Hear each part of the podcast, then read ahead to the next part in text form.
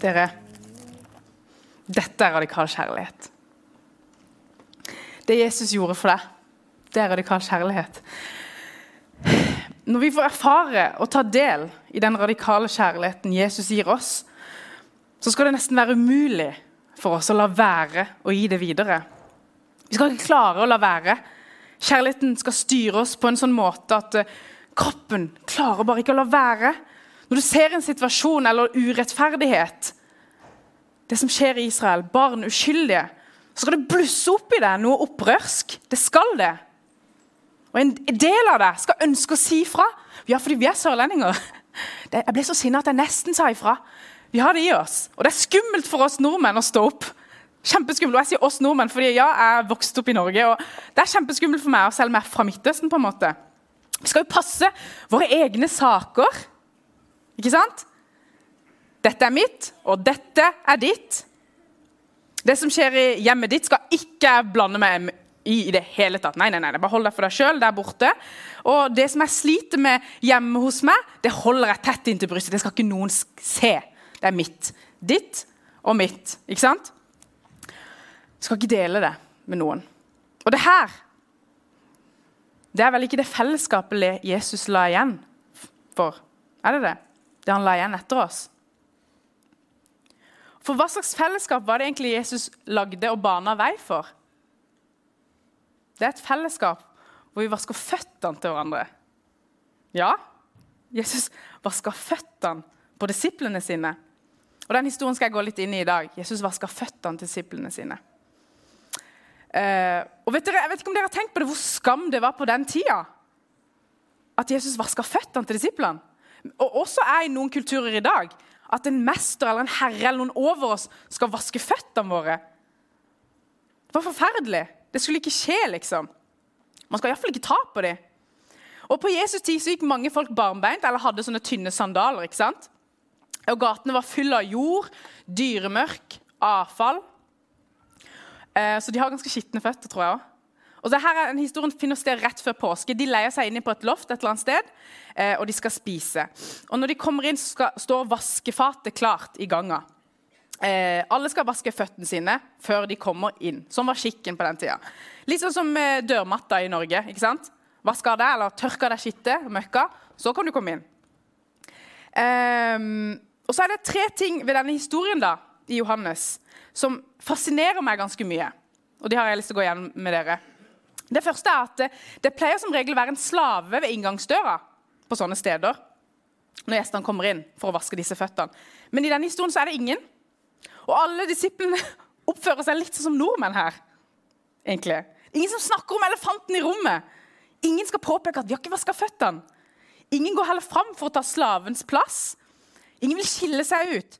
Vi skal ikke gjøre noe stort nummer ut av det. Vi skal iallfall ikke påføre skam på noen. Vi må ikke si fra. Og det andre er at maten står klart på bordet. Alt er klart. Og så er det sånn, Jeg tror nesten de sitter sånn her klare for å spise. Sitter på gulvet, forresten. Det var ikke bord på den tida. Og så bare reiser Jesus seg. Uh, han reiser seg plutselig. Og Så tar han av seg klærne, og til slutt så har han kunnet linklede på seg. Og dette linkledet han hadde på seg, er den type linklede som de orientalske slavene på den tida, på det stedet hadde på seg. Så det er ganske symbolsk. Og så bruker han den enden da, han, han knytter det rundt livet og så bruker han enden på det linkledet for å tørke føttene til disiplene etter at han har vaska dem. Og det tredje som fascinerer meg, er at Johannes, som er forfatteren da i denne boka, han beskriver denne scenen veldig detaljert. Og det må jo være for at dette her har mest sannsynlig gjort sterkt inntrykk på han. Noe har skjedd. For det er veldig detaljert hvis dere leser det. Og jeg fant ut at Man, man, fordi, man skulle ikke føttene sånn som Jesus gjorde på den tida. Man skulle helle det rene vannet over føttene og vaske, og la det skitne vannet havne ned i bøtta eller balja. Og det var skittent, det som var i balja. Men så står det her, og det er veldig tydelig at da gjør Jesus feil. For det står her Jesus helte vannet i bøtta først i Bibelen. Og det er litt rart. Så bruker han sikkert hendene sine da som øse. Så Jesus bryter egentlig alle normer og regler her. Og jeg tror at han gjør det helt bevisst for å lære oss noe. Og Det verste her jeg tenker på at det sykeste er at Jesus vet alt. ikke sant? Og han vet at Judas skal sørge for at han blir død. At han dør snart. Han, hva gjør han da? Han fortsetter å bare vaske føttene til Judas. Altså. Uansett, når han er ferdig, eh, så tar han på seg kappen igjen og setter seg til bords. Og så sier han dette. Johannes 13, 13 eh, og 14. Nei, 14 til 15. Ok. Når jeg, som deres herre og mester, har vaska føttene deres, skylder dere å vaske føttene til hverandre? Nå har, jeg gitt, nå har jeg gitt dere et eksempel for at dere skal gjøre som jeg har gjort mot dere. Og Jesus gir oss rett og slett et eksempel på forbildet her. Han sier rett og slett at det vi har fått, det skal vi gi videre. Og det trenger nødvendigvis ikke se ut som å vaske føtter. Selv om det er ganske crazy. Har dere vært med på det, noen? Nå skal jeg hoste. Vent litt. Sånn. Har noen vært med på å vaske føtter eller sett noen gjøre det? Litt høyere opp med hånda. Vi er veldig radikale, vi! Woo! Ja, Det er ganske crazy. Jeg husker på dette jeg så var vi i Thailand. Og det å se lærerne mine eh, og lederne mine vaske føtter på gatebarn, det var bare helt sånn Først så tenkte jeg å, dette blir så kleint. Men når, begynte, når de begynte, så bare pff, Vi foskrein. Barna, til og med gatebarna, som ikke hadde hørt om Jesus, de begynte å grine. Hvem er det som tar på føttene mine? Det er et ganske sterkt bilde på radikal kjærlighet. Men som sagt, det trenger ikke være fotvask i 2023 i Norge. Hvis du føler at Herren leder etter det, så halleluja, gjør det. Men det trenger ikke være fotvask. Og så har jeg gjort litt research, da. Eh, hvis du trenger det litt mer konkret, for det trenger jeg av og til, så har jeg gjort research. Jeg gikk inn i bibelleksikonet og opp, eh, lukker opp kjærlighet. Eh, ikke gjør det. Det er som å søke 'vondt i fingeren' på Google. Da får du masse crazy. Men i fall, når jeg gjør det på bibelleksikonet, kjærlighet er et svært tema.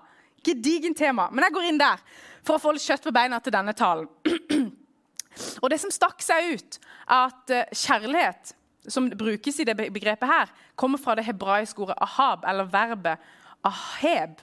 Og dette ordet rommer de tre begrepene vi har i det greske ordet på uh, kjærlighet, som er eros, filia og agape. Dere har hørt om de, ikke sant? X-fil. Noen har hatt det. eros er den lidenskapelige seksuelle kjærligheten, den som begjærer i et ekteskap. Konfirmantene, hvis de var her, så hadde de sagt det. I ekteskapet. Sånn som meg og David har. ikke sant? Hvor er David? Jeg skulle bare sette han ut litt. Nei. Meg og min mann. Den hører til der. Og så har vi filia. Eh, en tilbøyelig og sympatisk kjærlighet er dette. Den omsorgsfulle befinner seg innenfor vennskap, familie, relasjoner. Eller de nære. Og så har vi agape, dere. Den ubetingende, givende kjærligheten. Den er spontan. Den er sånn her, den, 'Jeg elsker deg' på tross av type kjærlighet. Den type kjærlighet som Gud har for oss, og mellom Gud og Jesus. Den kjærligheten. Og Hvorfor nevner jeg disse tre her? Det er ikke bare for å flekse, selv om jeg fikk A i X-fil. det var det eneste faget jeg fikk det i. Uansett. Um, hvorfor nevner jeg disse? Fordi det å elske mennesker og vise radikal kjærlighet har veldig mange nyanser. ok? Jeg kan ikke si til deg sånn dette er radikal kjærlighet. Så jeg bare nevner det hvor stort dette begrepet er. Eh, og så lærer oss Jesus dette da, til oss. At dette skal vi gi videre. Åh, men hvorfor skal vi gi det videre? Det er så kjedelig. Hvorfor? Kan vi ikke bare holde oss til vår egen familie og de som er aller nærmest? Og det er jo lett. Det er jo kjempelett for de fleste av oss ikke sant? å elske ektefellen sin. Det er, ikke, det er, ikke, alltid lett, da. Men eh, det, det, det, skal være lett. Det burde være lett. Gå til farterapi hvis ikke. Eh, Ektefellen din skal det være lett å elske. Barna skal det være lett å elske til tider. Og så har du vennene dine og slekten din. De skal også være litt lett å elske. Det skal være lett å vise kjærlighet til dem. Eh, men så har du de der eh, prefere folkene. De der er litt andre. Du har flere folk rundt deg. De prefere folka som du kanskje ikke kjenner så godt. De er naboer eller kanskje totale fremmede. Klarer du å elske dem? Fordi Jesus er ganske tydelig dere, på dette. Det, så det, Dette er bibelsk. Dette er ikke sånn Evin eh, har et hjerte for mennesker. eller noe sånt. Nei, nei, nei. Dette er bibelsk. Dette her skal vi eie alle sammen. Vi skal elske hverandre. Vi har fått for å gi videre. I Johannes 13, 34 og 35 så står det eh, Et nytt bud gir jeg dere dere skal elske hverandre slik jeg har elska dere. Skal dere elske hverandre? Av dette skal alle forstå at dere er mine disipler, om dere har kjærlighet til hverandre. Det står det der. Av dette skal alle forstå at dere er mine disipler. Og så står det litt videre. Jeg har bare laget det sånn, For det kommer videre. La ikke hjertet bli preget av angst. Jesus vil at vi skal elske hverandre sånn som han har elska oss, og gir oss et nytt bud. Dette er liksom, ei, det er et nytt bud, så det må være ganske viktig, tenker jeg. Et nytt bud. Og så syns jeg det er interessant, det er derfor jeg har lagt det på powerpoint sånn prikk, prikk, prikk. Eh, at det er, litt senere, der, sånn to-tre linjer etterpå, så står det 'La ikke hjertet bli grepet av angst'. Og Jeg tror ikke det er tilfeldig at det kommer rett etterpå. For vi har sånne små ompa-lomper. Er det noen som har sett Charlie sjokoladefabrikken? Ok, Jeg har masse ompa-lomper i hodet! Men de driver og jobber på hardt for at du skal distraheres. De skal fikse, fikse, fikse, overanalysere, ordne, forbedre hele tida. Effektivitet. Jobber på. Så vi har sånne små ompa-lomper i hodet som jobber hardt for at du skal distraheres nå. Ok? Så når jeg sier at du skal elske mennesker rundt deg med en radikal kjærlighet, så begynner ompa-lompaene å jobbe i hodet ditt. Det er jeg helt sikker på. ok? De begynner å type. Jeg ser for meg at de sitter ved sånne datamaskiner alle sammen. Sånn, ok, Så du skal elske mennesker med radikal kjærlighet. Da begynner rumpa-lompene. Type. Ja, men du må hjem og ta oppvasken. Du, du, du, du har ikke hengt opp klærne. Du må huske å handle i kveld. Du må bytte dekk på bilen. Bilen må til verksted. Husk foreldremøte. Eksamen snart. Innlevering. Støvsug. Altså, de begynner å jobbe på spreng. Så vi har sånne små tyver i livet som distraherer oss, og disse må vi være superobs på. Vi har de. For vi, vi minnes stadig av disse ompa-lompene her at vi har tidspress og bekymringer, og det hoper seg opp som en masse i magen. Og hva gjør denne klumpen i magen med oss? Jo, fokuset blir ned her. Navlebeskuende. Og det her påvirker blikket vårt, dere. Vi ser ikke lenger opp. Vi ser bare på mitt og mitt eget. Så når Jesus sier i Johannes 14, 14,1 som er rett etterpå det verset, så står det La ikke hjertet bli preget av angst. Tro på Gud og tro på meg. Så er det fordi at Gud vet hvordan det er å være menneske. Okay? Og han utfordrer oss til å elske uansett. På tross av tidspress og bekymringer. Det er ikke lenger en unnskyldning at du har tidspress og unnskyldninger. Eller tidspress og bla, bla, bla. bla, bla. Skjønner du? Tidspress og bekymringer. Det er ikke unnskyldninger lenger. Jeg tror rett og slett Nå kommer det, nå kommer det sånn som jeg er med ungdommene. Skjerp dere litt, folkens. Det er ikke en unnskyldning lenger at du har tidspress og bekymringer. For det har vi alle. ok? Vi har alle tidspress og bekymringer. Vi lever alle i denne verden i dag, midt i kaos, strøm, dyre renter. Vi lever her sammen. Men dette er et nytt bud han gir oss. Og det er dette som er radikal kjærlighet. ok? Kjærlighet på tross av tidspress og bekymringer. Kjærlighet på tross. Og vi har alle noe vi kan gi videre på en eller annen måte. Enten om det er mat til naboen. Nå bare nevner jeg litt sånne eksempler, så jeg kan inspirere dere litt. ok? Mat til naboen. Eller spør den ene familien med fem barn, og du har to, og de går på trening sammen. Du, skal jeg kjøre i dag?